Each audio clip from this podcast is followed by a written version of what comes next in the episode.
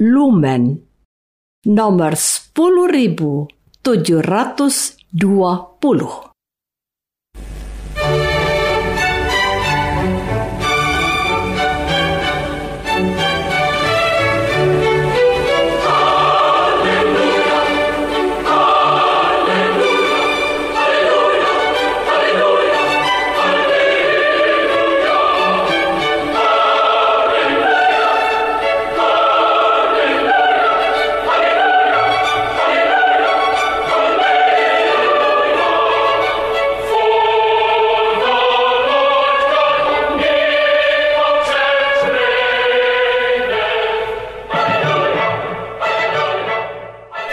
Saudara pendengar di segenap penjuru tanah air, selamat bergabung dengan Lumen Indonesia.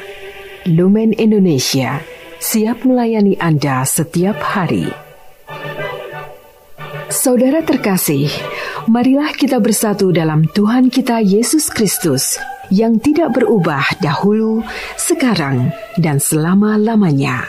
Allah Sang Maha Rahim mengasihi dan menerima sebagaimana adanya kita Allah Bapa kita di surga senantiasa bersedia menolong, menghibur, dan meneguhkan kita dalam menghadapi segala permasalahan hidup sehari-hari.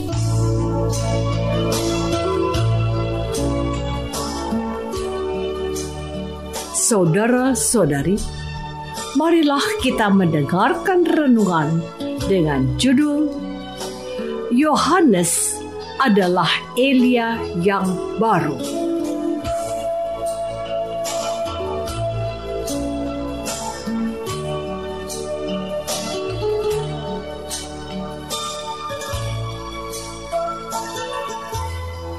Yang berdasarkan pada Injil Matius bab 17 ayat 11 dan 12.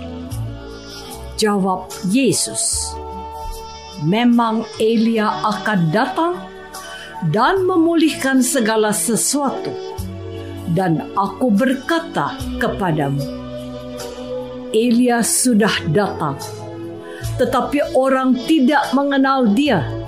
Dan memperlakukannya menurut kehendak mereka.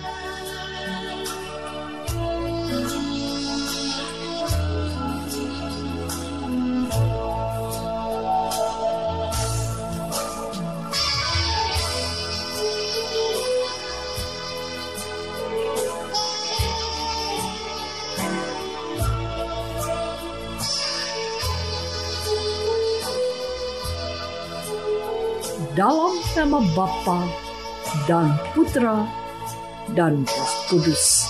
Amin. Saudara-saudari terkasih dalam nama Tuhan Yesus Kristus. Elia adalah seorang nabi di kerajaan Israel Utara pada zaman pemerintahan Raja Ahab, Ahazia, dan Yoram pada sekitar abad ke-9 sebelum Masehi, sebagaimana diungkap oleh kitab raja-raja dalam Alkitab Perjanjian Lama. Beberapa catatan yang menarik dari kisah Nabi Elia adalah Elia berjuang agar bangsa Israel dan Raja Ahab menyembah Tuhan tidak kepada dewa Baal yang dibawa Ratu Isabel, istri Ahab, ke Israel. Elia menubuatkan hujan untuk tidak turun dan terjadi seperti yang dikehendakinya. Ia juga membangkitkan anak janda dari Sarfat. Ia menantang nabi-nabi palsu, pengikut Baal, dan membinasakan mereka oleh doanya, hujan turun kembali. Intinya, Elia berjuang untuk menegakkan hak-hak Allah sebagai satu-satunya Tuhan yang harus diikuti dan disembah oleh bangsa Israel. Elia yang menjadi salah satu nabi yang dihormati itulah yang dikatakan akan datang kembali.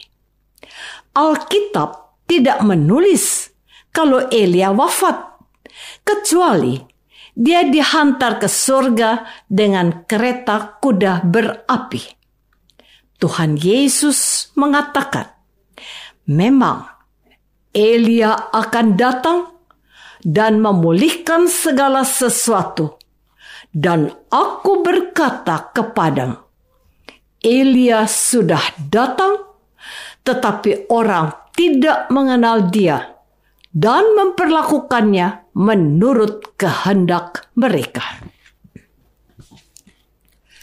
Saudara-saudari terkasih, Tuhan Yesus ternyata sedang berbicara tentang sosok nabi terakhir, yaitu Yohanes Pembaptis. Spirit Nabi Elia ada padanya. Ia mengembara di padang gurun, bertapa dan berpuasa serta menyerukan pertobatan agar bangsa Israel kembali ke jalan yang benar. Yohaneslah sosok yang mengingatkan bangsa Israel untuk hidup dalam ketaatan pada hukum-hukum Tuhan. Seperti Elia, Yohanes Pembaptis dengan bersungguh-sungguh dan bersemangat mengecam cara hidup mereka yang tidak benar. Katanya, "Hai, kamu keturunan ular beludak, siapakah yang mengatakan kepada kamu supaya melarikan diri dari murka yang akan datang? Jadi, hasilkanlah buah-buah yang sesuai dengan pertobatan." Dan janganlah berpikir dalam hatimu, Abraham adalah bapa kami, karena aku berkata kepadamu, Allah dapat menjadikan anak-anak bagi Abraham dari batu-batu ini. Kapak sudah tersedia pada akar pohon, dan setiap pohon yang tidak menghasilkan buah yang baik akan ditebang dan dibuang ke dalam api. Yohanes Pembaptis mengingatkan supaya semua orang pada masa itu untuk berubah cara hidupnya dan hidup menurut Taurat Tuhan sendiri. Saudara-saudari terkasih, pada hari ini gereja sekali lagi menampilkan seorang Elia yang baru, yaitu Yohanes Pembaptis. Dia adalah nabi terakhir yang diutus Allah untuk mempersiapkan jalan Tuhan, yaitu kedatangan anaknya yang tunggal, Tuhan kita Yesus Kristus.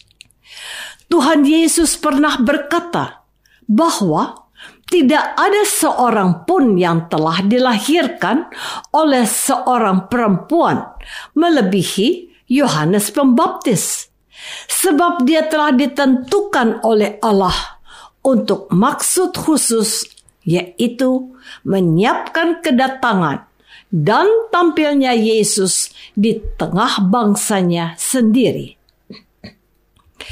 Bagi Yohanes yang terpenting adalah Yesus, bukan dirinya. Sebagaimana Elia memperjuangkan hak-hak Allah, demikian pula lah Yohanes telah berusaha mengingatkan bangsa Israel untuk memberikan hak-hak Allah itu kepada Yesus dari Nazaret, anak Maria, putra Allah. Dia dengan tegas menunjukkan para muridnya untuk memandang kepada Yesus. Katanya, "Lihatlah, inilah anak domba Allah." Para muridnya tidak harus lagi mengikuti dia, melainkan mereka harus mengikuti Yesus. Para murid Yohanes tentu sudah sering mendengarkan khotbah dan wejangan untuk pertobatan gurunya. Dan salah satunya adalah pesannya kepada mereka. Mereka harus melayani guru muda. tentang guru baru ini, Yohanes pernah berkata, "Membuka tali kasutnya pun aku tidak pantas." Mereka diingatkan bahwa Yesus harus makin besar, Yohanes harus makin kecil. Seperti Elia, Yohanes menyadari bahwa umat harus mengabdi Tuhan, bukan yang lain. Maka Yohanes mau supaya mereka terpesona pada Yesus, bukan yang lain.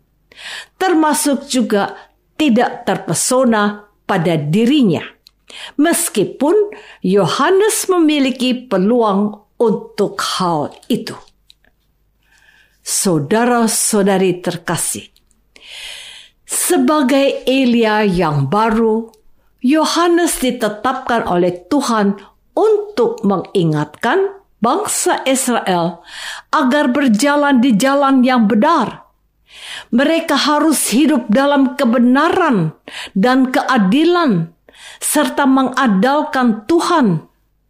Sosok Elia baru, yaitu Yohanes Pembaptis, haruslah menjadi sosok yang menginspirasi setiap orang Kristen bahwa mereka harus membangun hidup dalam pertobatan, memperjuangkan hak-hak Allah, serta menyadari bahwa hanya Allah yang utama dalam hidup ini.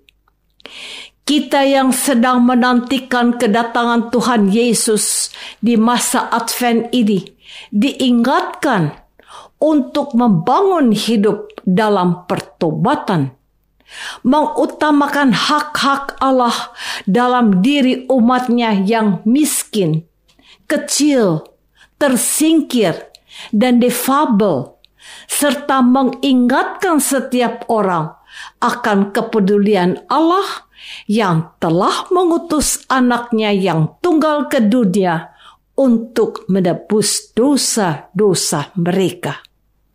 Kini tibalah saatnya untuk menyadari bahwa hidup kita ini adalah hidup untuk Allah. Apa pun yang kita punyai di dunia ini bukan memberikan jaminan keselamatan, harta, uang, jabatan, atau kedudukan haruslah menjadi sarana untuk semakin mendekatkan diri kepada Tuhan, memampukan kita untuk berbela rasa dan membantu sesama untuk menemukan wajah Allah yang peduli pada kehidupan yang lebih baik.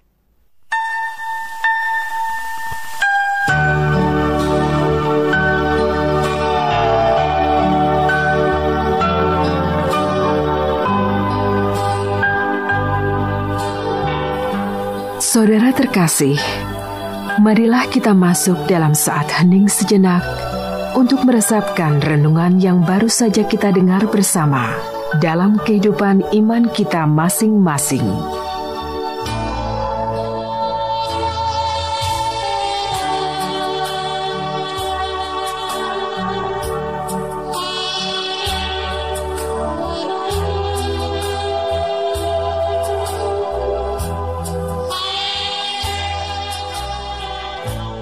apakah aku sudah memperjuangkan hak-hak Allah dalam kehidupanku?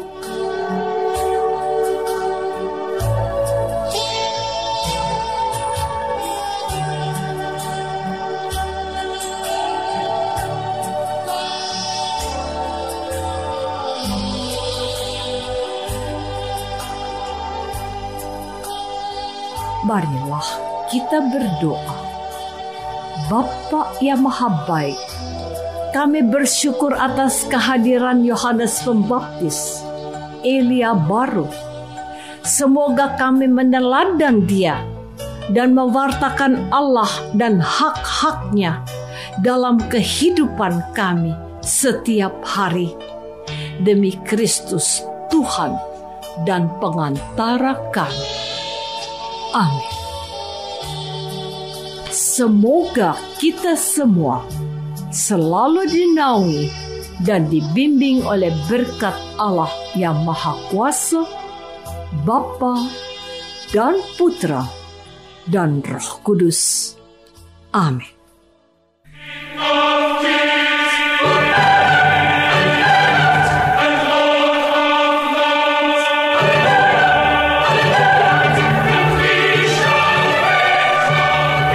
Dengan penuh kasih dan sukacita, Lumen Indonesia mengundang saudara-saudara seiman di segenap penjuru tanah air. Sekiranya ada tanggapan ataupun saran, kirimkan surat Anda ke Lumen Indonesia. Terima kasih atas perhatian Anda.